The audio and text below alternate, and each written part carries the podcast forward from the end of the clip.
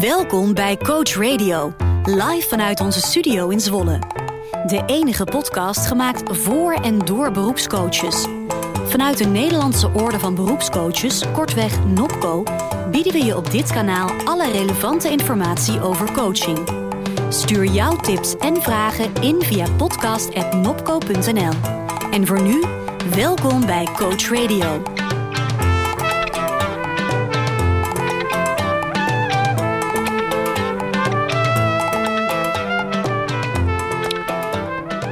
Welkom. Bijzonder welkom zelfs bij een speciale aflevering van Coach Radio. Want zoals u misschien al hoort, let ik vandaag extra op mijn stemgebruik. Deze aflevering behandelt namelijk ons belangrijkste instrument, de stem van de coach. En misschien ook wel de stem van de cliënt. Ik ga in gesprek met een tweetal experts. eh, Die zich toelegden op het zoete geluid van de menselijke stembanden. En natuurlijk heeft Jelle weer een prachtig boek meegenomen. Maar we beginnen zoals gewoonlijk met de bestuursupdate. Niet van Geeske dit keer, maar van haar collega. Die voortaan met haar gaat dubbelen in deze functie. David Broad. Hey Arvid, goedemorgen. Goedemorgen David, fijn dat je even tijd hebt op afstand om eh, in te bellen met ons. Hey, eh, voordat Ja, wij tuurlijk. in de inhoud duiken. eh, vroeger zat natuurlijk altijd Geeske op de, de kruk of, of aan de telefoon. Jij bent vicevoorzitter van een opko bestuurslid ook. En, en jij gaat die positie met haar delen. Vertel eens even, wat doe jij allemaal binnen het bestuur? Nou, binnen het bestuur hou ik me vooral bezig met, met onderzoek naar, naar coaching. Dus alles wat we op dat gebied, alle kennis die we kunnen ophalen, dat doe ik overigens niet alleen, dat doe ik samen met mijn collega's van het Wetenschappelijk Onderzoek. Ehm, zorgen wij dat we ja, eigenlijk de, de, ja, inzicht krijgen in, in het beschikbare onderzoek en kennis naar coaching. En om dat te kunnen delen met onze aangesloten, aangesloten coaches, zodat zij hun praktijk ehm, en het werk als coach kunnen, eh, kunnen verbeteren of daarin zich kunnen ontwikkelen. Ja? Eh, daarnaast ben ik sinds kort ook verantwoordelijk voor, eh, voor het deel van learning and development en een aantal evenementen daarbij, maar daarover straks, straks later meer. Ja. Dus het is eigenlijk vooral een mix dat, ja, dat ik aan de ene kant samen met mijn collega's van het CWO veel bezig ben met ja, vooral beschikbare kennis en hoe we die kunnen delen. Zodat we samen kunnen bijdragen aan de verdere professionalisering van ons coachvak. En daarnaast sinds kort dus die, ehm, ja, dat learning and development deel. Maar daar moet ik overigens nog wel een beetje comfortabel in worden. Hoor. Dus dat, ehm, Ja, maar je hebt Dat- een fantastische stem en een goede tongval. Dus, dus die podcast die gaat eraan bijdragen. Hey, jij zei al, ik, ik doe dat, die kwaliteitsonderzoek en dat, dat wetenschappelijke deel. Nou, daar is ook een, een duidelijke link met innovatie. En nou is er binnenkort een NOPCO Innovatiedag. Vertel ons er eens alles over. klopt, 14 juni. 14 dit jaar. juni. Dus we zijn nog een. eh, het, idee, het idee daarachter is eh echt vrij simpel. Dat we, we zien in de al lange overigens, maar zeker in de afgelopen periode, ontzettend veel ontwikkelingen op het gebied van eh ja, begeleidingsspullen, wil ik het zeggen. Dus niet alleen coaching, maar dat gaat breder. Hè? Of het nou een stukje eh, AI-toepassing is, of een stukje VR, of de manier waarop je gamification kunt toepassen in, eh, in je coachtrajecten. Mhm. En eh, met, een, eh, met het coachpanel, eh, dus dat zijn, dat zijn een aantal enthousiaste coaches die eraan bijdragen om ons mee te helpen. Wat voor soort evenementen zouden we nou moeten organiseren voor onze aangesloten coaches? Kwam heel duidelijk naar boven, wordt het niet eens tijd voor echt een, een innovatiedag of een dag vol innovatieve toepassingen waar coaches in hun coachpraktijk of het bestaan van zouden moeten weten, of zich er vast op moeten kunnen voorbereiden hoe dat hun vak misschien wel gaat veranderen en alle voordelen die ze daaruit kunnen halen. Klinkt alsof je erbij moet zijn als coach. En het is in Utrecht, begreep ik? Ja, en Kinderpolis in Utrecht hebben we eh, voor een deel eh, afgehuurd, om het, om het zo te zeggen. Of tenminste, de, de- hebben we ter beschikking een aantal bioscoopzalen voor echt wat eh, workshops. En een heuse beursvloer waarin we verschillende partijen, daarvan zou ik er zo een aantal ook wel willen noemen, eh, die, die een soort, soort beurs gaan, gaan be- bemannen. Ja. Zodat we dus niet alleen een aantal eh, sprekers hebben die ons meenemen in allerlei ontwikkelingen op het gebied van het coachvak. Maar dat mensen, dat de bezoekers, hè, de, de coaches die daar komen, ook echt een rondje kunnen lopen langs verschillende stands met verschillende aanbieders. Die allerlei, ehm, ja, die uitleg kunnen geven voor allerlei toepassingen waar coaches er een voordeel uit kunnen halen. Met, het, met als hoofddoel, want dat is voor die dag uh, uitzet, echt wel belangrijk dat je als coach wegloopt en hopelijk enerzijds een beetje echt verbaasd bent over, oké, wauw, ik wist niet dat dit er allemaal ook was. Mhm. En anderzijds genoeg concrete informatie te kunnen ophalen om te zeggen, hey, hier kan ik mijn coachpraktijk misschien wel mee, uh, mee gaan verrijken. Nou zag ik ook dat er wat kleinere bijeenkomsten waren. Onder andere een uh, regiobijeenkomst in Zuid-Nederland uh, op 9 mei. Wat, wat, wat, wat, gaan we doen bij die regiobijeenkomst? Ja, 9 mei, dus sowieso die regiobijeenkomsten. Um, daarmee willen we echt zorgen dat, dat NOPCO in het land, hè, op de, in de verschillende provincies en uithoeken, eigenlijk dat er voor iedereen elk wat wils is op elk gebied. Ja. Tijdens deze specifieke dag gaat Ingrid uh, is Hording, dan spreek waarschijnlijk haar naam niet helemaal goed uit, maar zij gaat uh, de deelnemers daar meenemen in uh, alles op het gebied van flow. Zij gebruikt flow. daarvoor de Flow Lemniskaart. Ja. Ik weet niet of je, of je die kent. Ik wel, maar de luisteraar misschien niet. Zo'n acht ja, op zijn kant, hè, Lemniskaart. Ja, precies. Zie je, zie het als een soort landkaart die bestaat uit acht fasen, waarin zeg maar, flow wordt weergegeven en de manier waarop flow in het nu ook kan ontstaan. En Inkzet gaat ons, of de mensen die daar komen, meenemen in wat nou de verschillende onderdelen daarvan zijn. En hoe je nou kunt zorgen dat die flow zeg maar, ook daadwerkelijk kan gaan lopen. Top. En ik zie dat daar nog maar zeven plekken voor beschikbaar zijn. Dus wie zich wil aanmelden, 9 mei Zuid-Nederland regiobijeenkomst over flow. Zorg dat je er snel bij bent. Hey David, ik, ik, ik heb nog twee punten die ik met je wil doornemen. Eén daarvan is dat de Vereniging voor Geregistreerde Psychotherapeuten, de NVP, die heeft ook iets bijzonders gedaan met NOPCO. Een handreiking noemde je het, geloof ik. kun je dat eens toelichten? Ja, klopt. En nou denk ik dat we uh, samen met elkaar, want de NVP is de Vereniging voor de HR-professionals. Dus okay. er waarschijnlijk worden nu twee, uh, twee afkortingen door elkaar. Oh, er is ook een NVP-netwerk. Sorry, dan ben ik in de war, ja. Ja, nee, nou, dat is heel, helemaal oké. Okay. um, maar deze gaat in ieder geval over, de, over die, die HR-professionals. Ja. En um, daarmee hebben we, we, samen met hen, hebben we als NOPCO de handen ingeslagen om, om, een soort, om tot een handreiking te komen voor het belang van de ontwikkeling. Uh, um, en omdat hè, we, we zien op het vlak, uh, zeker binnen organisaties, dat HR en coaching, dat daar toch een gemeenschappelijk doel is voor de gezondheid en preventie op gezondheid van, uh, van medewerkers. Net zozeer als dat ontwikkeling en, um, en een positief werkklimaat. Ja. En daarin is zo'n werkgroep nu inmiddels, of ja, is nu voor het eerst bij elkaar geweest om te kijken op welke manier HR samen met een coachcultuur kan combineren om, ja, om daar verder over in gesprek gaan wat voor handreikingen we nou kunnen doen. Dus dat is echt nog maar prille begin. Dus we zijn voor het eerst bij elkaar geweest. Maar daarvan gaan wij wel jullie, al dan niet via deze podcast of via onze gaan, gaan we onze aangesloten coaches op de hoogte houden. Dus daarover later meer. Kom je dan een keer gewoon in de studio aanschuiven, David? Graag. Ja, graag. heel goed. Hey, en als, als afsluiter, uh, er was een soort katshuisoverleg tussen NOPCO, ICF, LVSC en NOLOC. Uh, uh, Marieke die heeft met de andere voorzitters bij elkaar gezeten. Wat is eruit gekomen? Ja, dat is, ik wou dat ik het al zo concreet kon maken, Arvid. Oh. Um, maar de het is een teaser. Ja, dus het is een teaser. Nee, de bijeenkomst is vooral geweest dat ja, die verschillende partijen, daarin is professionele coaching is, speelt van belang bij al die partijen. Ja. En um, we lopen in, in, in, in de maatschappij of in de markt, lopen wij, daar kwamen we achter en ook in het overleg, dat er heel veel gedeelde belangen zijn. En een van de vragen die tijdens die bijeenkomst aan bod is geweest, hoe kunnen we elkaar nou juist versterken? Waar is het verstandiger om misschien apart of alleen op te treden? Maar hoe zorgt er nou voor dat we samen verder onderzoek doen naar daar, het logisch is om samen op te trekken om die professionele coaching en die ontwikkeling van dat vak zeg maar, verder onder de aandacht te krijgen. Ja. En een van de onderdelen die daar natuurlijk een rol speelt, is bijvoorbeeld de internationaal ethische code. Ja. En hoe die bijdraagt aan de professionalisering en, en hoe we daar beelden noemen of visie op kunnen creëren. Hey David, als afsluiter, we hebben een hoop gehoord. Nopco Innovatiedag 14 juni, uh, Kinepolis Utrecht, daar moet iedereen bij zijn. Welke sprekers kunnen we daar verwachten? Ja, Joost Moedeman en Tatjana Kassel van Skillful. Dan Berend Oosterhuis van Boxcoaching en Mike van Rijswijk als futuroloog. Ja, en dan had je het over allemaal steentjes met partners. Welke partners kunnen we daar zeker treffen? Ja, de, wat we zeker gaan treffen daar is uh, Skill Reflect, My Mindspace, Client Files, Navigating Stress en V-Relax. Ja, nou, daar begrijp ik helemaal niks van. Maar dat is natuurlijk de bedoeling bij een innovatiedag. Wil jij dus als luisteraar wel weten wat daar precies gaat gebeuren... dan moet je erbij zijn 14 juni in Utrecht. David, dank je wel voor vandaag. Arvid, dank je wel. Tot snel. Ja, ze had al psychologie gestudeerd aan de Universiteit van Amsterdam.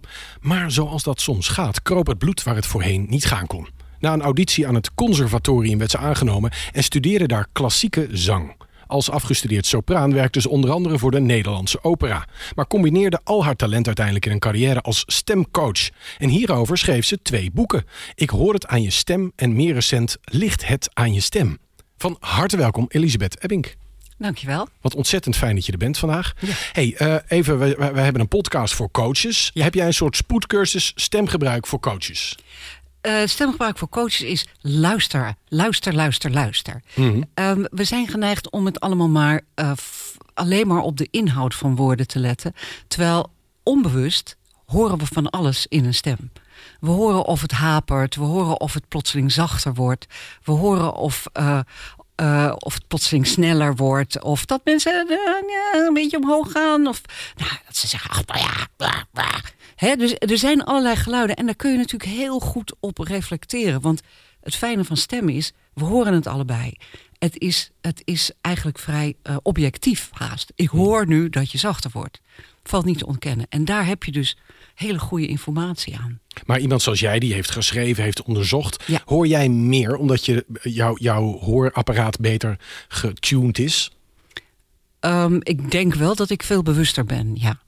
En dat ik um, makkelijker vraag, zeg, uh, wat doe je nu? Uh, klopt dat? Ja. En hoe voel je je als je het anders doet? Dus ik heb wel meer handigheid in, in uh, daarmee werken. En neem ons eens mee, je komt hier vandaag aan in de studio hier. Ja. En dan, dan zie je nieuwe mensen, dan ga je ja. luisteren. Wat, wat zijn dan dingen waar je op let in het eerste contact? Um, nou, ik ben natuurlijk niet aan het coachen nu. Nee, hè? dat begrijp ik. Dat ja. begrijp. Maar, maar, maar jou... ik hoor natuurlijk wel dingen. Ja, ja, Ik, ik hoor natuurlijk wel dingen. Ik hoor bij jou bijvoorbeeld uh, uh, activiteit. Weet je? Oh ja. De waarde is energy. Energy, energy, energy. En dat offer je nog wel eens op aan. Uh, of, of inhoud offer, offer je wel op. Weet je? Dat zeg je, want je gaat zo snel dat we het bijna niet meer horen. Ja. Al, die, al die parels van wijsheid. Want ja, we, volgende, volgende, volgende parel van wijsheid. Weet je wel? Dus dat is iets, dat valt me op. Ja. En, dan, en dan denk ik, goh, hoe ga ik me daar toe verhouden, weet je? Hoe, hoe, in hoeverre ga ik daarin mee? Want ik snap je, weet je, ik snap wat je bedoelt en ik kan je ook antwoord geven. Of ga ik, um, dat is dan imiteren, hè? ga ik met je mee in jouw flow? Of ga ik uh, regisseren en ga ik zeggen, oké okay, Arvid, weet je, ik wil even uh, stap voor stap de belangrijke dingen op een rijtje ja. zetten. En dan ga ik een totaal andere taal spreken dan die voor jou past. Maar je bedenkt daar wel bij, wat is het belang van diegene? En hoe ga ik die naar een plek brengen waar die ontspant? Waar ja, die... nou dat is een hele goeie. Want heel veel mensen denken dan van... nou ja, iedereen wil natuurlijk rustig. Maar dat is helemaal niet waar. Nee. En nee, zegt hij. Nee. nee, nee, ik zei niet nee. Ik zei nee. Niet iedereen. precies, jij zei precies ja. wat jij zei. Ja. Dat bedoel ik. En uh, uh, dus het is ook heel handig om je uh, flexibiliteit daarin te trainen. Dus om te zeggen van, ja, nou, ik ben nou helemaal niet zo opgefokt. Of andersom. Ja, nou ja, god voor mij hoeft het nou niet zo rustig. En dat je dat weet. Mhm. En dat je dus ook weet dat je, als je iemand hart, hartelijk welkom wil heten...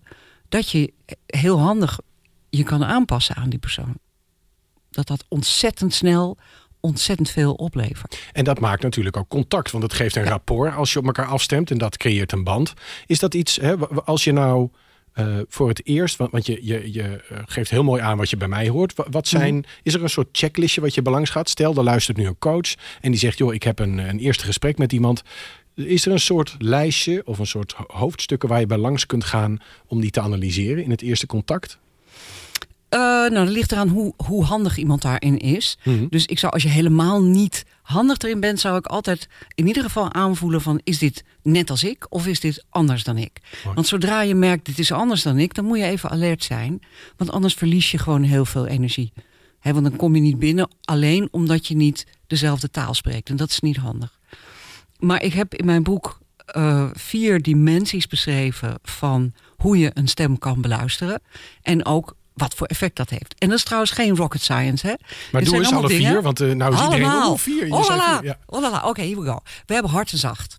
En harde stemmen, de harde stem zit in een grote uh, resonansruimte. En dus hoe harder, hoe groter en hoe vaker wij daar respect voor hebben. We vinden luide stemmen winnen vaak discussies bijvoorbeeld. We vinden eigenlijk dat dat niet zo is, overigens, want we vinden het niet beschaafd. Maar het is gewoon een feit. dus ja, uh, luidheid is een buitengewoon handig middel om groot te zijn. En zacht is klein dan. Ehm, kleine dieren spreken zacht. Uh, hoog-laag. Hoogte, verschrikkelijk onderschat. Hoogte is contact. We zeggen hallo, hoe is het? En niet hallo, hoe is het? Hè? We zeggen, weet je, wil je koffie? En niet, wil je koffie? Dus uh, contact maken doen we met hoogte. En, en als iemand dan zegt, wil je koffie?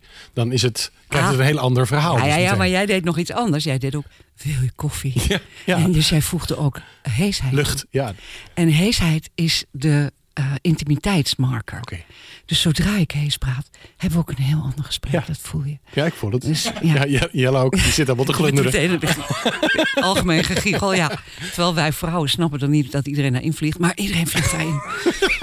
en al jarenlang is de beste uh, actrice stem is dus een extreem heese stem. Zoals bijvoorbeeld Scarlett Johansson. Ja. Uh, die is dan de beste stem, de meest aantrekkelijke stem van de wereld. Ja, nou. Uh, het punt is wel dat als je zo spreekt, dat je wel heel veel aandacht krijgt, maar niet dat je inhoud veel aandacht krijgt. Um, dus daar moet je als vrouw enorm voor uitkijken. Trouwens, mannen ook hoor er zijn uh, George Clooney, uh, weet je, dat soort mannen hebben ook die, die uh, heesheid waardoor ze eigenlijk, ja, je denkt alleen maar, oh lekker. Ik had het met Arend Jan Boekenstein. Oh ja. Ook een prachtige stem, ja. nou, ik heb met hem dus dat ik, ik bedoel, die man die weet, weet echt veel belangrijke dingen. En ik, ik kan nooit echt zijn inhoud horen, want ik denk alleen maar, hé, hey, Boekenstein, heel ja. leuk hey, misschien koffie met Boekenstein. Weet je wel? en ik denk niet van, oh ja, Oekraïne, oh ja, uh, tankbewegingen. Nee. Dat is echt, bij mij leidt dat enorm af. Dus het is heel sterk. Even voor de organisatie, want je was bezig met hooglaag. Toen verstoorde ik jou met hees en met helder. Maar er is nog een vierde. Hees, scherp, hooglaag. Het is, een vierde is, waar we het net al over hadden, snelheid. Snelheid. En, en snelheid is energy. En traag is inhoud. Dus als je echt wil dat die inhoud overkomt, zoals bij ik hou van je. En het is niet ik hou van je. Nee. Dat kan niet. Tenzij de trein wegrijdt. Ja, maar dan nog. Ja, dan komt het niet over. Nee, nee, dat is niet genoeg. Nee. nee. Wel streng, ja. Ja, nou ja, maar dat, ja, maar dat weet je. Mooi. Dus deze vier parameters, die beschrijf je in je boek. Wat, wat uh, denk je dat mensen, uh, want we hebben hier op tafel gelegd, dus ik denk dat mensen dat in dit beeld ook kunnen zien. Uh, wat, wat zouden ze kunnen leren? Is dit een boek waar als je helemaal een novice bent op dit gebied, dat je echt dingen gaat leren? Ja, het leuke, al zeg ik het zelf, het leuke is dat ik bij alles wat ik zeg, filmpjes heb uitgezocht. Ja. Dus je kan overal luisteren naar andere sprekers die doen wat ik bedoel. En of jij inderdaad ook dat gevoel krijgt, of je je opgejaagd voelt, of gerustgesteld voelt, of verwarmd voelt, of uh, afstand voelt. en, dan kan je dus ook een uh, vingerspitsengevoel kan je, kan je ontwikkelen. En zeker, want ik, je hoeft er geen speciale talenten voor te hebben, want we doen het allemaal al lang. En, en heb je nou in dat boek, uh, een van die vele, want ik geloof er wel 175 yep. uh, uh, dingen in genoemd werden. Een heleboel. Maar heb je er eentje van je zegt, nou zoek dat zelf even op op YouTube. En als je dan niet begrijpt wat ik zeg, is dit boek niks voor jou. Maar als je dat snapt, dan moet je dit zeker lezen. Heb je er één waarvan je zegt, nou dat is zo'n parel, zo obvious dat het stemgebruik bijzonder is? Nee. Stilte, dames en heren. Ja, nee, ik, ik, ik doe daar eigenlijk niet aan van, van doe de allerbeste of de aller... Want weet je, het gaat er maar om wat je wilt bereiken. Mm wil, je, wil je dokter Phil zijn, dan, dan doe je bullebak. En wil je juist heel erg uh, liefdevol en om, omarmend zijn, dan doe je uh, koningin Maxima. Oh en je kan, je kan, het ligt er maar aan wat je op dat moment nodig hebt. Mhm. En het belangrijkste ding is dat je weet dat je dat allemaal kunt. En dat geldt echt voor iedereen. Ik werk nu 40 jaar met stemmen. Iedereen kan alles uitdrukken. En nou is het zo dat in alle basisopleidingen voor coaches die ik ken en alle specialisatieopleidingen dit niet aan bod komt. Ja, dat is een beetje. En nou ben ik zelf groot vervent fan van jullie werk. Mijn moeder was logopediste. Ik, ik werk veel met stemmen en eh, stemacteren. Dus ik ben groot fan van jullie mhm. allebei dan. Dan denk ik, mhm. wat fantastisch. Hoe kan het nou toch dat niemand zich hierin verdiept? Ik nou, heb even antwoorden nodig vandaag. Ja, ik denk dat dat komt omdat mensen denken dat er niks aan te doen valt. Dus ik heb nou eenmaal deze stem. En dan moet ik het mee doen. En daarom zijn mensen ook zo verschrikkelijk gevoelig als je iets zegt over hun stem. En dus ik, er zijn legio mensen, en dat zal jij ook weten... die komen bij je en die zeggen dan... ik was, ik was acht en ik stond... eh, ik- we gingen zingen in de klas en toen zei mijn juf... die zei, nou hou jij je mond maar. Oei. En dan zijn ze 50 en dan doet het nog pijn. Nee, maar echt. En dat is geen grap. Dat doet zo'n pijn dat mensen denken van... mijn stem deugt dus niet. Nee. Ik zie jou ook heel erg knikken, Anke. Jij, jij herkent dit? Ja, heel erg. Heb ja. je veel mensen die traumatische ervaring hebben op stemgebied? Ja, ja. Ja. En mensen hebben ook heel vaak een eh, oordeel over hun eigen stem. Ja. En is dat omdat ze het ook zoals nu, hè, we gaan zitten hier, dan, dan testen we dat met de microfoon. Dan is het zo dat wij het geluid van onze eigen stem via de kaak ook binnenkrijgen. En, en externe luisteraars natuurlijk niet. Dus dan hoor je vaak mensen zeggen, ik herken mijn eigen stem niet. Is dat daar de oorzaak van? Of zijn er nog meer oorzaken waardoor mensen onzeker zijn? Nou, het ligt gewoon heel erg gevoelig. Toch. Eh, en daarnaast is het zo, als mensen zichzelf terug horen... dan horen zij zichzelf alleen via de lucht... Mhm. En niet via hun botten. Precies. Dus wij horen onszelf altijd anders dan een ander Ja. de ander hoort. En dat maakt dan onzeker als ze dat terug horen. Ja, precies. Ja, goed. Hey, Ja, en, en een groot oordeel, ook omdat je van alles hoort. Dus ze dachten dat je dat accent niet zo goed kon horen... en dan horen ze hun accent. Ja. Maar Ja, de kritiek op de eigen stem is echt gigantisch. En ik denk overigens ook, net als dat je... je kijkt elke dag in de spiegel... en dan zie je iets, nou ja, maar hè, daar ben je toch wel aan gewend. Zo erg is het niet. Maar je hoort jezelf maar zelden. En dan schrik je je dus helemaal rot. maar de stem is natuurlijk altijd naakt. In de sauna lopen Ja. we zonder onze schil, maar onze stem is altijd naakt. Ja, Dus dat is ook best wel heel kwetsbaar. Wat Ja, kunnen we daar, als je nou bedenkt, dit is een van de belangen, want wij zitten en we praten en we luisteren en we voelen. Er zijn over drie dingen die wij doen in ons vak. Dan is die stem en het, misschien nog wel belangrijker, het lezen van die stem of het luisteren, is echt cruciaal. Ja. Wan- hoe gaan we dit veranderen, dames? Er zitten hier Nou ja, ik powervrouwen aan schrijf tafel. boek op boek. Ja, Ja, ja. Ja, wat maar- moet ik doen?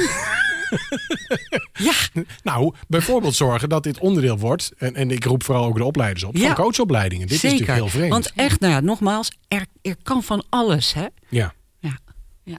Dus Ja, er is wel het eerste deel van mijn boek gaat over de magie van de stem. En, en waar we het nu net over hebben, is dan wat de uiting van die magie. Maar je weet dat als iets goed klinkt, dat je het wilt geloven. Mm.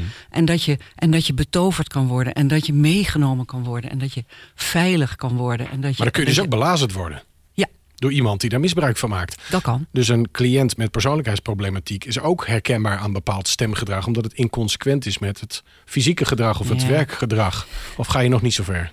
Nou, de, de dingen die ik heb gelezen over, over eh, eh, hoe heet het, rechtspraak, nee, forensische Ja, ja, ja. stemkunde, is echt, nou ja, Flinterdun. Nee, ja, man, nee. nee, dat zie je op televisie dat iemand dat kan, maar het is niet echt zo. Nee. Ze, ze kunnen nog steeds niet die, ze hebben geen database eh, groot genoeg om al die nuances. Dus zo makkelijk is het niet. Helder. Nou, ik, ik kan hier nog vijf uur naar luisteren. En dat gaan we straks doen. We gaan straks met z'n allen nog even in gesprek. Maar eerst ga ik even naar onze volgende gast. Anke Boerboom is bij Nopco aangesloten als practitioner coach vanuit haar praktijk stemgebruik.nl. Ze studeerde net als Elisabeth aan het conservatorium, volgde in Leiden ook de studie logopedie en deed aanvullend een opleiding integrale psychologie bij ITIP.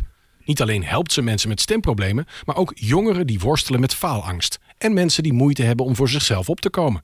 Ze vat dit samen onder het motto Stem voor jezelf. Welkom Anke. Hallo. Fijn dat je er bent. Heel zachtjes. Dus ik, Ja. ik ben natuurlijk meteen dankzij Elisabeth nu aan het luisteren van... eh, hoe, eh, jij klinkt ietsje zachter dan Elisabeth. Wat zegt dat? Nou, misschien dat ik dan toch een klein beetje teruggetrokken ben nog. Ja? En een beetje bescheiden. Dat ken ik wel van mezelf. Het siert de mensen, toch? Ja, precies. heel goed. Hey, we gaan je lekker comfortabel in gesprek. Dus ik hoop dat je je eh, eh, lekker ontspannen kunt. Hey, wat is de invloed van angst en stress specifiek op onze stem? Nou, door angst en stress eh, blokkeert je stem heel vaak. Mhm. Dus er komt een hapering in of eh, soms slaan mensen helemaal dicht. En we zeggen ook niet voor niks eh, dat je een brok in je keel krijgt bij emoties. En eh, ja, het, het is gewoon hoorbaar in de stem. En wat gebeurt er dan? Want ik heb wel eens zo'n model gezien van stembanden. Maar wat, wat is dat? Puur spierspanning die, die te strak staat? Wat is dat? Ja, het is deels eh, spierspanning, maar het is ook zo dat je een stukje basis verliest als het ware, omdat je eh, ja, je, je buik doet niet meer mee. Ik zeg altijd bij, bij stress gaat alle energie naar boven. Het lijkt net alsof je je lichaam wil ontstijgen. En eh, je adem gaat dus ook omhoog. En daardoor verlies je de, de basis. En de kracht om nog iets te kunnen Ja, zeggen. ja. En, en, en wat voor eh, signalen kunnen coaches nou oppikken uit die stem van die cliënt? Want eh, Elisabeth gaf er al een, een aantal parameters uit haar boek. Hè? Wat zijn nou signalen die jij ook vanuit logopedie en vanuit jouw ervaring als coach ziet, waarvan je denkt, nou, dat is toch wel goed als coach dat je je daar bewust van bent. Ja, nou ja, het is sowieso goed om emotie te herkennen in een stem. Dus je hoort wanneer iemand eh, geëmotioneerd is. Ja, je ziet dat ook aan de ogen. Maar het, het mooie vind ik altijd, de, de ogen zijn de spiegel van de ziel. En de stem is de ventiel van de ziel. Ventiel. Dus als Ja. ik ineens breek, dan hoor je dat en dan weet Ja, je. Ja. ja. En, en eh, nou nou is verdriet een hele duidelijke. Zijn er nog meer minder duidelijke? Nou, eh, soms gaan mensen heel erg knijpen of die gaan heel erg drukken met hun stem. Omdat ze willen overtuigen, omdat ze kwaad zijn, omdat ze... Ja, dat is ook een emotie. Mhm. Ja. En het, maar het zit dus in zulke primaire zaken. Dus blijdschap, woede, angst. ja, Zijn- eigenlijk wel. Ja. en- daar hebben we natuurlijk allerlei gradaties in. En hoe klinkt onzekerheid dan? Nou, misschien zoals ik aan het begin van dit gesprek klonk. Ja. Omdat ik het toch een beetje spannend vond. Ja. Dus een wat Eh, zachter. Dan word je wat zachter, ja. En nou ja, dat is ook wel waardoor ik ook richting eh, het helpen van mensen ben gegaan... die moeite hadden om met zichzelf of eh, voor zichzelf op te komen. Ik had heel vaak mensen met de indicatie van... eh, zij of hij heeft zo'n zachte stem. Ja.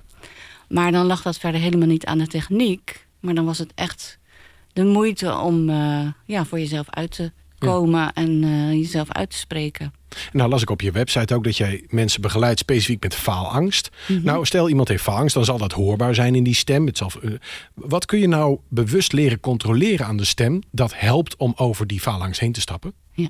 Nou, ik leer mensen altijd om gewoon goed contact met hun lichaam te maken weer. Dus in plaats van één groot denkhoofd weer contact te maken met het lichaam en met de adem. Dus ik werk heel veel met adem ook.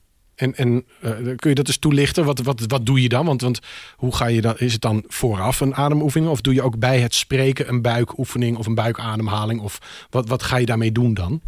Nou, voordat iemand iets gaat doen wat iemand spannend vindt, dan kan je heel goed een ademhalingsoefening doen of een ontspanningsoefening. Dus meditatief meer dan? Ja, precies. Ja. En, en dan in het moment zelf? Dan ook op de adem letten.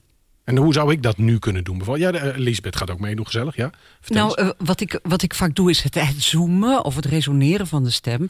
Mm, dat voel je in je buik. Hè? Als Ja. je doet ah. En zodra je merkt dat die spanning er is, dan is die ah, dan is die er Ja. niet meer.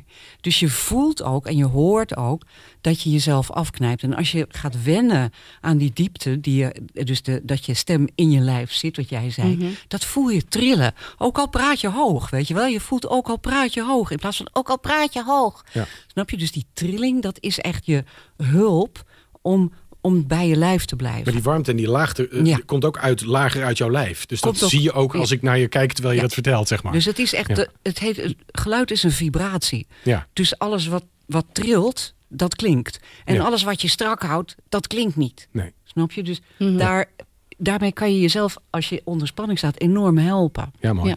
Hey, en, en, dat, dat kan natuurlijk niet altijd, want dan maak je geluid. Maar ehm, Voordat je ja, als ik tijdens het praten denk, eh, nee, dat Ja, gaat, dat nee, gaat dat niet goed gaat komen. niet. Oké, dus Ja. we praten. ja, ja. Nou, wat ik heel vaak tegen mensen zeg, is doe net alsof je een kat wegjaagt. Ja? En als je dat al in praktijk hebt gedaan, vooraf, eh, zeg maar, je, hebt, je hebt dat gevoel met je, je kent dat gevoel in je lichaam, dan kan je heel makkelijk weer in contact komen daarmee. Maar eh, hoe Dus jaag jij een kat weg? Even voor de zekerheid. Ja, want, dan, eh, doe- dan doe je dus dit. Kst. ja. En heel vaak automatisch, ook al heb je helemaal niet gelet op techniek of wat ook, doet je buik meteen mee. Oké. En ik zeg ook altijd, je, hebt, je krijgt adem eigenlijk voor niks. Je Ja. hoeft nooit adem te halen, zolang je je buik maar gebruikt. Ja. En wat ik ook heel vaak zie als mensen beginnen met spreken, is gaan inademen en die schouders gaan Schouders, omhoog. ja, Dus ik adviseer mensen ook altijd van, nee, adem eerst uit. En, en laat je buik dan los. Ja. En automatisch. zich Ja, vanzelf. ja, ja, ja. Ja, Ja, ik, zit dat ook allemaal te doen als jullie dit zeggen. Hè? Dus kent. ik krijg helemaal Spaans benauwd hier. Ja, nee. Hey, en als je nou, eh, eh, eh, jij bent zelf actief coach, dat is jouw fulltime baan. Hè? En als je dan andere coaches zou laten oefenen met het inzetten van stemvaardigheid, heb je dan oefeningen waarvan je zegt, nou, als je nou toch zit te luisteren op de bank, ga maar even rechtop zitten, voetjes op de grond, dan kunnen we dit eens even doen. Heb je iets? Of zeg je van, nou, dat is te complex voor een podcast? Het is heel complex. Maar ik ben het helemaal eens met uh, Elisabeth. Dat zij zei van luisteren, luisteren, luisteren. Ja, en uh, luisteren, samenvatten, doorvragen... dat is echt iets wat bij coaches hoort. Dus neem de tijd om te luisteren. En Zeker. Maar ook voor je eigen flexibiliteit, maak geluid. Dus hè, als je in de auto zit, heel goed moment om te oefenen altijd. Want dan ben je lekker in je eentje in je eigen kleine huisje. Ja. En dan kan je wie, ja, weet je. Ja. Je kan gewoon even kijken van, wat kan ik eigenlijk allemaal? Want we zitten altijd maar op dat hele kleine middenstukje. Beetje hoger, beetje lager. Terwijl we hebben nog een flatgebouw aan mogelijkheden. Als je die nooit gebruikt, dan gebruik je ze nooit. Dat is toch jammer. En als je Ja. nou even dat, die 175 fragmenten, als ik nou een soort checklistje zou maken van joh, als ik hier naar luister, wat herken ik? Eh, kan ik dit eigenlijk ook nadoen? Tuurlijk. Eh, wat voor Mhm. gevoel wekt dit op? Als je zo actief als professional gaat luisteren, kan ik dan nog meer met jouw fragmenten dan wanneer ik het alleen maar als Oh, het is referentie? geweldig als je het na Ja, gaat doen. Dus ja, als je mee ja, gaat ja. spreken. ja. Dan merk je direct wat mensen doen namelijk. Ja. En Ja. ik, ik overdrijf dan heel vaak. Dus dan ben je ook een spiegel voor je cliënt. Wat is jouw beste imitatie, Anke? Ik ben, ik ben- word er toch nieuwsgierig. Nou, nee, nee, ik zou je niet op voor het blok zetten. Hey, hey, jij helpt eh, mensen met plankenkoorts en mensen die presentaties ook moeten geven. Ehm, wat voor blokkades zitten er nou vaak mentaal onder die effect hebben op die stem? Wat is direct gekoppeld daaraan? Nou, het lijkt soms alsof mensen echt met een eh, grote bruine beer geconfronteerd worden, als het ware. Dus het is ook echt puur een hersending, zeg maar. Dat je, je, je, je bent zo gespannen dat je niet meer bij je heldere denken kan. Dus mensen hebben heel vaak last van blackouts. En eh, dat ze de rode draad kwijtraken. En, eh, Maar dus- dat is vaak dus ook, ook hyperventilatie, ademhaling. Dus het is eigenlijk één orgaan wat we... Ja, precies. Ja. Maar dat, dat gebeurt natuurlijk automatisch. Dat die, die stem gaat vaak, of tenminste, de adem gaat omhoog. En dat heeft natuurlijk bepaalde consequenties. Dus je ademt niet meer goed door. En, en in jouw ervaring, is het iets waar mensen altijd overheen groeien? Of is het een kwestie van heel veel oefenen? Wat, wat, wat is eigenlijk dat maakt dat het opgelost wordt uiteindelijk? Ja, nou, ik zeg, het, ik zeg altijd, je moet het van beide kanten aanpakken. Dus het is ook goed om naar je eigen gedachten te kijken. Ja. Dus heel vaak maken mensen zichzelf gek met bepaalde gedachten. En zo, is zo, op wat, wat hun dwars zit. Ik had een keer iemand die, die echt heel zacht sprak... en ook een ongelooflijke hekel had aan hard spreken. Mhm. Maar hij moest harder spreken, want hij was onhoorbaar voor zijn leerlingen. En ehm, uiteindelijk bleek hij de zoon te zijn van een ploegenarbeider. En die vader sliep overdag. En Moest dus hij moest hij zijn, ja. zachtjes Ja, zijn. En ja. dus daar had hij helemaal, zat erin. Ja, mooi hè? Had hij helemaal niet over nagedacht verder. En, en 40 jaar later zat het er nog in. ja, zijn dus- echt gewoontes, ja. Dat zijn dingen waarvan je dan... Dan kan je wel zeggen van ja, maar dat, dat moet. En dan zegt die ander nee, want ik heb er een hekel aan. Ja. Dus Ja. het heeft ook zin om gewoon even na te vragen... Van, hoe, hoe was dat eigenlijk? Ja. Hey, fijn dat je ook meteen eh aanhaakt, Elisabeth. We kunnen eigenlijk even een paar stellingen bij jullie samen toetsen. Jelle, breek ook vooral in als je wil. Eh, eh, even de eerste stelling. Coaches die geen grip en kennis hebben van hun stem en die van de cliënt... zijn beduidend minder effectief in hun werk. Wat zeggen jullie dan? Nou, zo ver zou ik niet willen gaan. Ik denk, ik denk dat er mensen zijn die geweldig goed zijn in lichaamstaal... of geweldig goed zijn in, in systeemdenken, weet ik veel wat. En dat is ook goed hoor. Ik denk dat elke coach ook... Ja, Nee, ik zeg niet dat dit het enige is. Ik zeg als je hier helemaal niet van bewust bent... ben je hoe dan ook minder effectief in je werk. ik, Ik- Jelle Lijkt gaat ook wel. even inbreken. Jelle, doe jij eens even iets wel. genuanceerd. Ja. Iets genuanceerd. Ik adem even uit, zoals Anke net zei. Ja. Ik heb het gemerkt in de coronatijd. Toen heb ik mensen gecoacht. En ik kwam erachter dat ik het liever eh, eigenlijk alleen met de telefoon doe en zonder scherm. Want telefonisch coachen, op die manier met mensen in gesprek, kon ik heel gefocust luisteren naar de stem. En ik hoorde wat er ja, onder lag. En het grappige is dat ik dan terugkreeg, maar hoe, hoezo deze vraag, hoe, hoe weet je dat? Eh, heb je gesproken met die of die? Ik zeg, ik spreek nu voor het eerst met jou. Dus dat luisteren naar de stem, wanneer Ja. ik gefocust kan zijn, omdat er dan alleen stem is, eh, dan merkte ik van, hé, hey, dit levert heel veel op. Dus Ja. in mijn huidige, ja. eh, mijn huidige gesprekken die ik voer, merk ik dat ik op bepaalde momenten ook echt focus op de stem. Maar vind je dan ook dat als mensen dit helemaal geen aandacht geven... dat ze beduidend minder effectief zijn? Dat is als je geen aandacht geeft aan de stem en je doet dat telefonisch, dan ben je minder effectief. Ja, Dus je mist natuurlijk gewoon een heleboel mist- informatie. Je mist informatie. ook. Ja. Hey, en, ja, en als maar, ik... maar ik zou ja, een heleboel mensen doen het ook van nature goed, Tuurlijk, wil ja. ik zeggen. Oké. Dus, eh, en, Omdat en het iets natuurlijks is. Ja, precies. En wij willen natuurlijk heel graag de ander bereiken. Dus we stemmen sowieso af op de ander. En ja, waar ik het vaak over heb, is spreken met intentie. Wat is je intentie? Hmm. Waar wil je naartoe met je stem? Ja. En wat wil je bereiken met je stem? Als je daarvan bewust bent, dan ben je eigenlijk niet Mhm. zozeer met techniek bezig. Maar je bent wel bezig met, ja, wat, wat wil ik met de ander? En het instrument gaat dan automatisch ook het Ja, juiste ja, klank. precies. de juiste Precies, klank als het niet meer Ja. gaat over... Ik sta hier maar te oreren, maar als het gaat Precies. over... dit verhaal moet naar buiten. Mhm. Ja. Hè, En dan gaat het niet meer over mij, maar over het verhaal. Ja. Ja. Ja. En dat is Hey. trouwens ook het mooie met volume. Hè? Dat- Ik zeg heel vaak van waar, waar wil je heen met je stem? Dus ik, ik praat. Ja, nu is het allemaal onnatuurlijk Ja. omdat we met microfoons zitten. Sorry daarvoor, maar anders kan er niemand meeluisteren. Ja, Ja. precies. Maar ik, Elisabeth zit dichter bij mij. Dus ik zou naar haar toe zachter spreken dan naar jou toe. Want jij zit verder weg. Ja. En dat is ook als je een zaal moet overbruggen. En je weet dat je naar de achterste in het publiek Moet moet. je projecteren. Ja, precies. Ja. Projecteren. Hey, en, en als ik nou zou zeggen, de stem vertelt in klank soms meer dan het verhaal dat ze uitspreken. Absoluut. Ja. Absoluut. Ja? Ja, ja, ja. Je bent heel stellig. je kan, vertel ja, eens. nee, maar absoluut. Ik kan zeggen, mag het raam open? Mhm. En dan zeg ik iets heel anders als, mag het raam open? Of als ik zeg, mag het raam open? Weet je, het zijn allemaal hele andere Ja. dingen die ik zeg. De eerste is, ik vind je lief. De tweede is, wat ben jij een zeikert zeg. En de derde is, oh, wat zitten we hier al lang. En dat horen we allemaal. Ja. Het is ook intentie dus in feite. Absoluut. Ja, precies. Ja. Maar, Ja. En, dat, en misschien denken we niet, nou, Ja. maar je kan dat natuurlijk horen. Dat hoor je. Uiteraard. Maar sowieso non-verbale communicatie gaat boven verbale communicatie. Dus daar is die stem heel erg belangrijk in. Ja, nou zou je kunnen zeggen, non-verbaal is natuurlijk ook alles wat we zien. Maar dit is toch iets wat we horen wat niet in taal zit. Vind je het dan toch non-verbaal? De stem aan zich als, als klankelement? Ja. Dan maakt ook niet uit of je het, ja, het is non maar of je non-verbaal of verbaal noemt. Nee, het is maar- niet de, de woordelijke inhoud. Nee, precies. Precies. Alles ja. wat buiten de woordelijke inhoud valt. Ja. Ja. Maar zie je het dan als een vorm van lichaamstaal? Omdat het een klank is dat Ja. uit dat lijf Ja. komt? Ja. Dat is een onderzoek naar zo'n zo'n Dr. Fox. Kennen jullie dat Dr. Fox? Nee. Sorry. Dat is een, een man die eh, eh, een lezing houdt voor, voor Harvard-professors. Dus echt chic eh, publiek. En eh, hij doet dat heel, is een acteur, en hij doet heel mooi van hoog naar laag. En Weet je, hij heeft een hele duidelijke eh, eh, inhoudelijke melodie. Want daar hebben we het nog eigenlijk niet zo erg over gehad. Maar de mhm. melodie geldt enorm over je geloofwaardigheid. Hij doet het echt geweldig. En af en toe een grapje tussendoor. En ze hangen aan zijn lippen. En iedereen die geeft hem dus echt een, een acht voor inhoud. En de inhoud is echt van tevoren gemanipuleerd. Er zijn allemaal fouten in. De, de redeneringen zijn krom. Ik geef drie voorbeelden en dan geeft er maar twee. Weet je, alles klopt niet. En heeft niemand... Door. Ja. Ja. Mooi hè?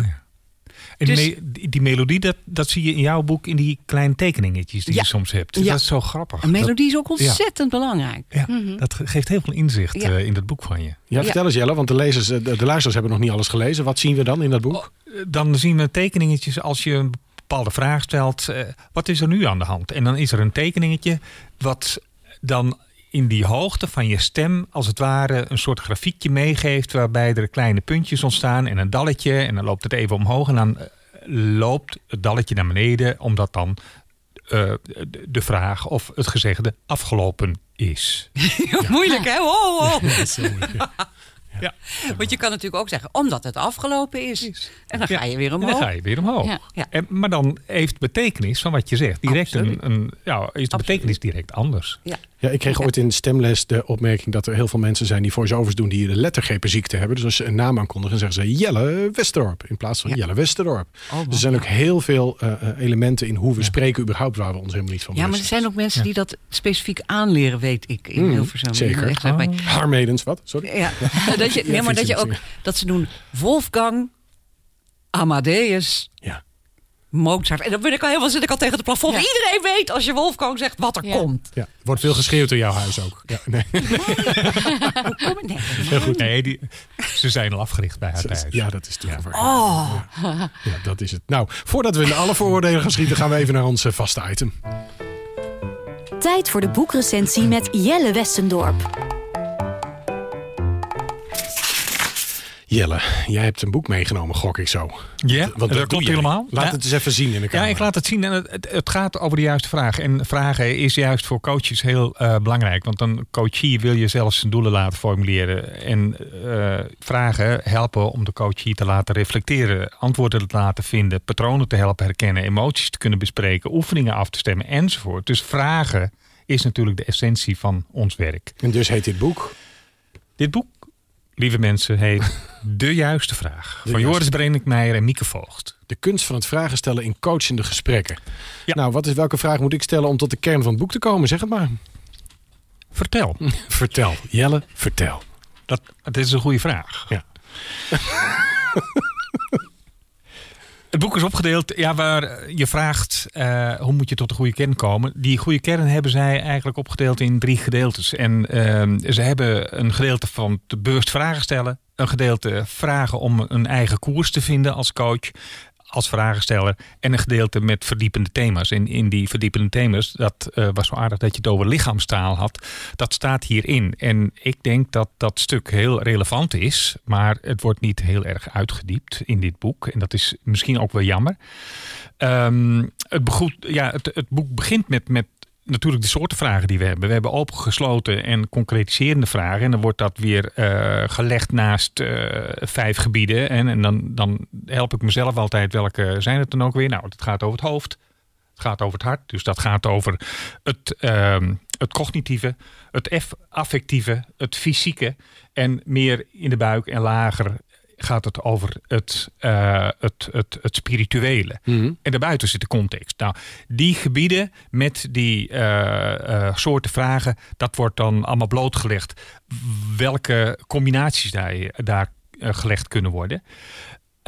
Het leuke van het boek vind ik ook weer dat onze Schultz van toen, ik weet niet of jullie dat kennen, maar die komt ook weer terug. Ehm, en dat gaat dan over die manier van communiceren, waar luisteren, wat jullie ook zeiden, echt super belangrijk is. Omdat bij Schultz van toen gaat het over het, het, het eh, aspect, eh, het zakelijke aspect, dus het inhoudelijke. Het gaat om het expressieve, het rationele.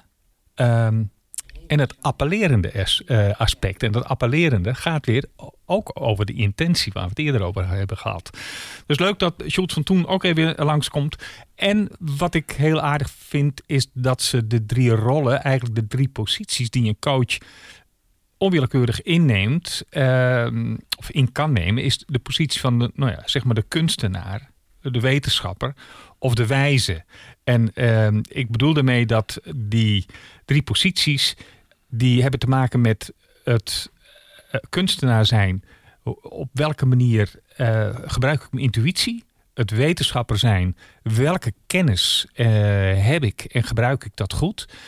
En de wijze is eigenlijk de positie van wat doet het met mezelf? Wat leer ik hier over mezelf en wat vind ik ervan? En hoe kan ik dat terugbrengen naar de coachie? Maar ook juist dat reflecterende, eigenlijk wat je als nou ja, vakkundig coach na verloop van tijd eh, Zou moeten kunnen. zou moeten kunnen. Maar is het zo dat je uit zo'n boek dan leert om hele goede vragen te stellen? Of is het meer zo dat je eh, dat, dat dat onbewust en intuïtief gaat, maar dat je jezelf scherpt door een bepaald bewustzijn te creëren met dit boek? Ja, je leert, je zou hier best goede vragen uit kunnen halen als je dat boek doorneemt. Dan is het natuurlijk dat je denkt, hé, maar dit is echt wel een leuke vraag. Wat er vooral in staat, is dat er verschillende ehm, filosofieën beschreven staan en dat je herkent van, oh, maar dit heb ik geleerd in mijn opleiding. Ik, ik ben bekend met het, het, het Rogeriaanse, het, persoons, het persoonsgerichte coachen. Of ik ben eh, meer het probleemoplossende eh coachen. Of het, ehm, eh, meer het persoonlijk inzicht coachen. Nou, dan heb je verschillende filosofieën. Het, het Rogeriaanse of meer van Whitmore of, of Argeris.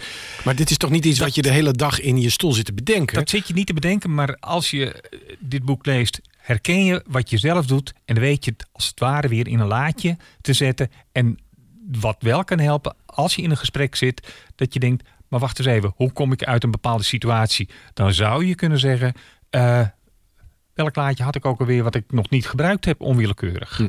Dus dat, dat zou iets kunnen helpen. Mooi. Nou ja, en voor de rest kom je natuurlijk eh, wat in zo'n boek dan ook hoort. En dat, ja, denk ik, ja, dat hoort. En dat kun je ook weglaten. Dat iedereen snapt dat, dat je gespreksfase hebt. Dat je gedragsveranderingsfases hebt. Ja, weet je. De, de je- vullende hoofdstukken. Hey, maar Dat de hamvraag waar het allemaal Ja. om draait. Hoeveel sterren krijgt het boek natuurlijk? Hè? Nou, ik vind dat het eh, drie sterren krijgt. eh, want aan het eind gaat het boek een beetje als een nachtkaars uit. En als we het nu over stem hebben, dan denk ik... het lijkt alsof de schrijvers ook aan het eind nog even hun individuele stem wilden laten horen. Van ja, maar eigenlijk zou, de, zou ik dit er nog even in willen hebben. Zou ik dat er nog even in willen hebben. Dat is er allemaal ingesleuteld. Maar het, het, het lijkt een beetje weg te zakken. Ehm, wat wel herkenbaar is, wat ik heel grappig vond, in het boek stond eh, een citaat van Seneca: De taal weerspiegelt de ziel. En wat Anke zegt is: eh, ja, de stem is het ventiel van de ziel. Dus dat sluit weer heel grappig op elkaar aan. Dus ja, eigenlijk best een praktisch boek. Goed onderbouwd, goed leesbaar, niet heel origineel. En eh, ja, met de meeste impact voor mensen die coachende gesprekken voeren, maar niet per se coach zijn. Als coach zijnde is het een leuk boek om even na te bladeren. Van, wat, wat heb ik geleerd? Hey, hoe zal ik dat eens aanvliegen? Of eh, in welk vakje hoort het waar ik nu mee bezig was? dus ze zeggen eigenlijk HR-managers, Ja, mensen die leiding geven, die zeggen ik Ja. gebruik die vaardigheden wel eens. Ja. Drie sterren en voor hun misschien wel vier, maar voor ons voor ons gewone doodzaaie coaches is het drie sterren. ja, niet meer hoor. Helder, dankjewel. Eh we mochten weer een heerlijke aflevering maken van de Coach Radio podcast. Dankjewel dat jij weer de moeite nam om te luisteren. Ik hoop dat het vandaag ook bijzonder goed klonk. En dat je na vandaag extra aandacht besteedt aan je eigen klank. Dank aan mijn gasten Elisabeth Ebbink, David Brood, Anke Boerenboom en Jelle Westerdorp. Stuur jouw reacties en ideeën via podcast.nopco.nl. En heel graag tot horens bij onze volgende podcast. Dank voor het luisteren naar Coach Radio. Volg ons op SoundCloud, Spotify of iTunes en vergeet niet om een recensie achter te laten. Als je vragen, tips of opmerkingen hebt over deze uitzending, mail ons dan via podcast.nopco.nl. Deze podcast werd je aangeboden door Nopco. www.nopco.nl. Graag tot snel.